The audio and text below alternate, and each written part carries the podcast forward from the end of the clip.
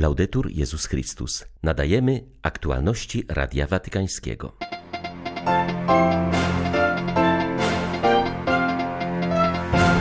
Dzięki cierpieniu i chorobie na nowo możemy odkryć własną wiarę, zauważa papież w przededniu Światowego Dnia Chorego. Watykan potwierdził papieską podróż na Maltę. Franciszek odwiedzi tę śródziemnomorską wyspę na początku kwietnia. Przy szacowaniu liczby ofiar nadużyć we francuskim kościele mogło dojść do błędu. Eksperci od statystyki kwestionują zastosowaną w sondażu metodę badań. 10 lutego witają Państwa Łukasz Sośniak i Krzysztof Bronk. Zapraszamy na serwis informacyjny. Na wielki wkład Kościoła w niesienie pomocy chorym na całym świecie wskazał Franciszek w przesłaniu na webinar poświęcony znaczeniu i celom Światowego Dnia Chorego. Został on zorganizowany przez Watykańską Dykasterię do spraw integralnego rozwoju człowieka w przededniu tego wydarzenia, które w tym roku przebiegać będzie pod hasłem Trwając na drodze miłosierdzia przy tych, którzy cierpią. Ojciec Święty przypomniał, że choroba sprawia, iż nie tylko czujemy własną kruchość i potrzebujemy innych, ale budzą się w nas pytania o sens, które wierzę kierujemy do Boga. Święty Jan Paweł II wskazał, wychodząc od swojego doświadczenia, drogę tego poszukiwania. Nie chodzi tu o poddanie się, ale przeciwnie, o otwarcie na większą miłość. Człowiek odkrywając przez wiarę odkupieńcze cierpienie Chrystusa, odkrywa zarazem w nim swoje własne cierpienia. Odnajduje je przez wiarę na nowo, nasycone nową treścią i nowym znaczeniem. Ipanema. Nigdy nie można zapomnieć o wyjątkowości chorego z jego godnością i kruchością. To cała osoba potrzebuje opieki, ciało, umysł, uczucia, wolność i wola, życie duchowe.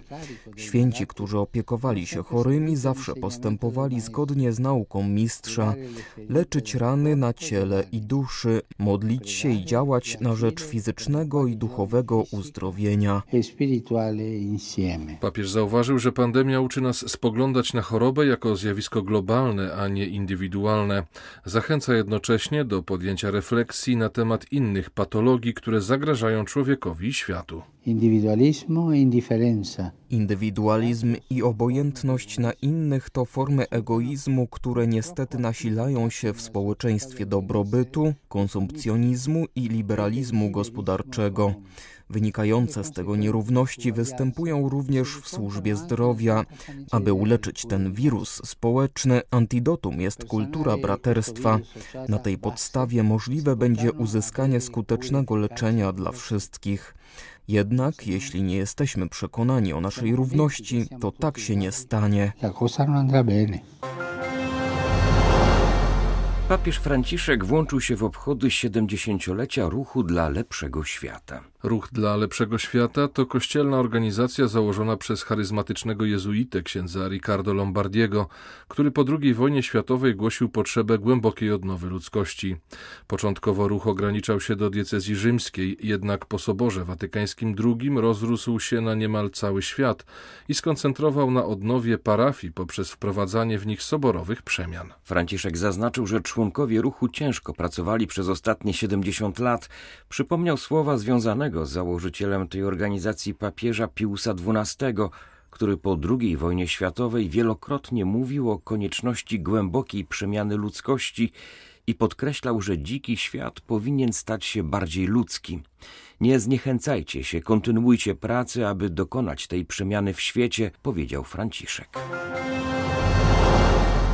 Biuro prasowe Stolicy Apostolskiej potwierdziło papieską podróż na Maltę. Franciszek odwiedzi tę śródziemnomorską wyspę 2 i 3 kwietnia. Choć szczegółowy program podróży zostanie ogłoszony w późniejszym terminie, już teraz wiadomo, że papież odwiedzi miasta La Valletta, Rabat i Floriana oraz wyspę Gozo.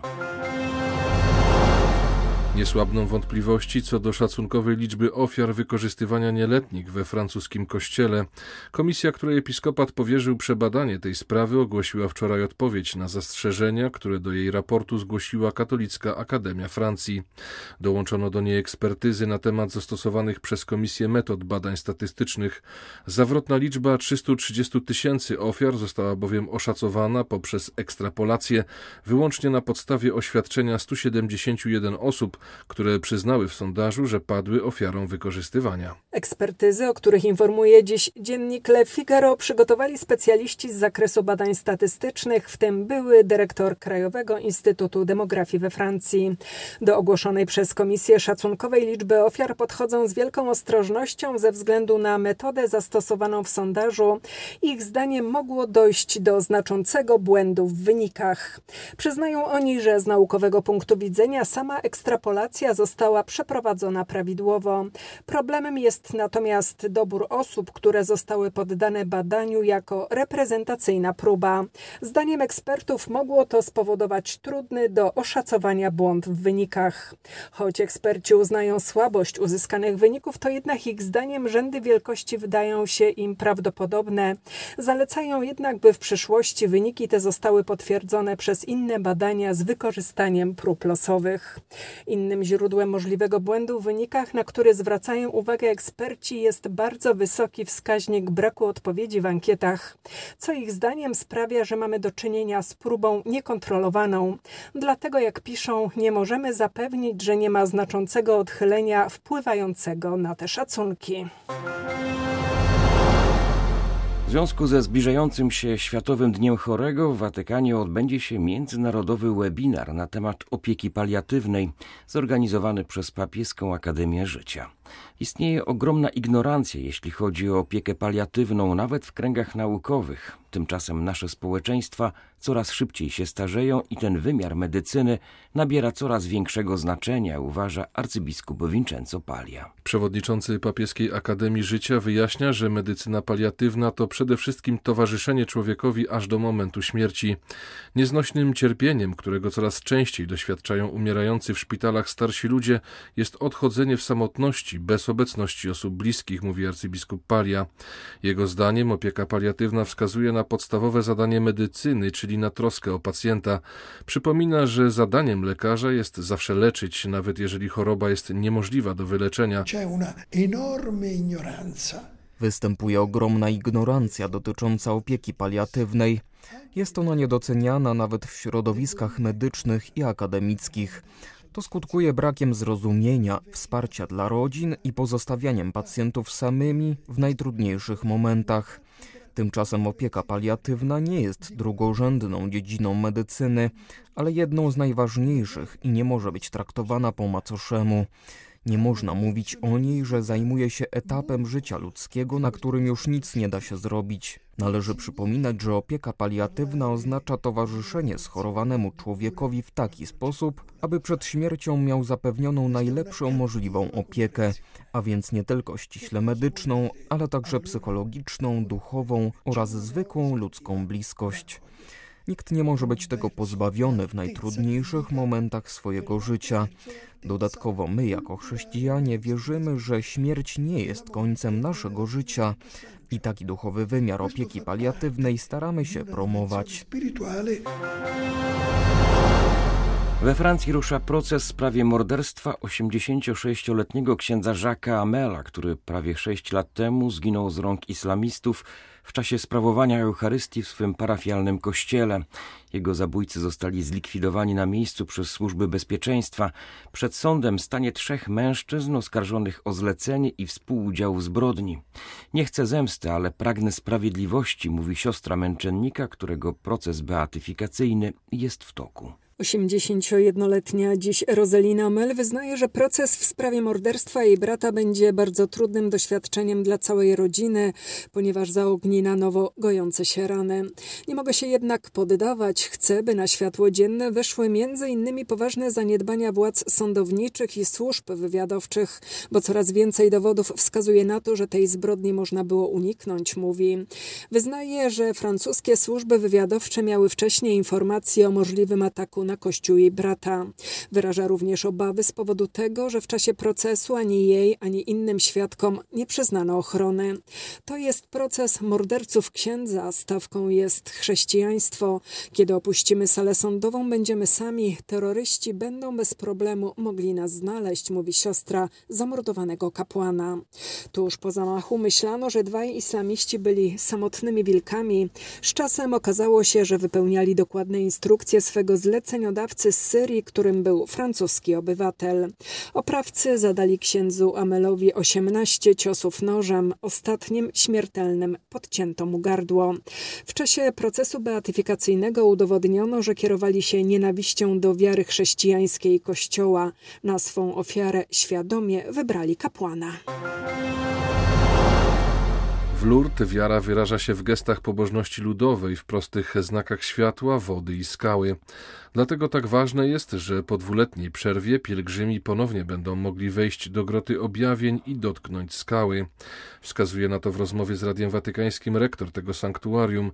Przypomina, że wszystkie te gesty pobożności ludowej są podyktowane wskazaniami Matki Bożej. Wierny, który dotyka skały, daje w ten sposób wyraz swemu zaufaniu. Jest ona dla niego symbolem niezawodnej opieki Maryi. Ksiądz Ribado Dima przyznaje, że podyktowany przez pandemiczne obostrzenia dwuletni zakaz wstępu do groty był dla pielgrzymów bolesnym ciosem. Od jutra zostanie on zniesiony. Na razie nie zostaną jeszcze wznowione kąpiele w basenach. Przed pandemią korzystało z nich 350 tysięcy pielgrzymów rocznie. Ksiądz Ribadodima zapewnia, że sanktuarium wciąż wzbogaca swą duszpasterską działalność. Chce dotrzeć do wszystkich, którzy przybywają, zwłaszcza do młodych i turystów indywidualnych. Przyjmujemy postawę coraz bardziej misyjną. Chcemy nieść dobrą nowinę, która wyraża się właśnie w tym dialogu między Maryją i Bernadetą. Nie wszyscy, którzy tu przybywają, wiedzą, gdzie się znaleźli. Chcemy głosić im łaskę, która działa w tym miejscu które stąd wypływa. Wiemy, że sanktuarium w Lourdes zniknęło w jakiejś mierze z kolektywnej pamięci Francuzów, bo starsi nie przekazali tego młodym, którzy tu przyjeżdżają. Dlatego pomagamy im to odkryć, aby i oni mogli doświadczyć radości, pokoju i braterstwa w tym wyjątkowym miejscu, w klimacie modlitwy.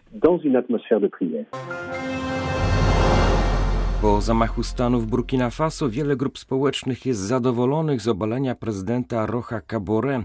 Ludzie mają nadzieję, że sam fakt dojścia do władzy wojska odstraszy terrorystów. W obecnym kryzysie żywnościowym pomagamy większej liczbie rodzin niż przed rokiem, powiedział Radiu Watykańskiemu misjonarz w tym kraju ojciec Paulo Motta.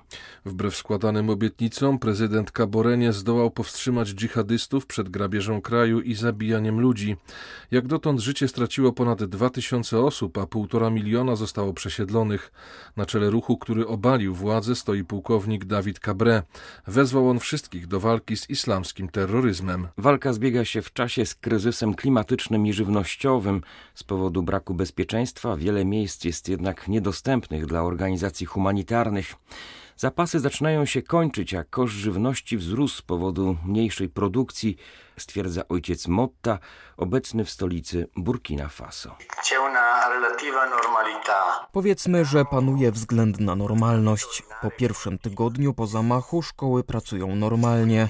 Ludzie boją się jednak, co wydarzy się po zawieszeniu członkostwa kraju we wspólnocie gospodarczej państw Afryki Zachodniej. Jeśli zamkną się granice i handel, będzie jeszcze trudniej.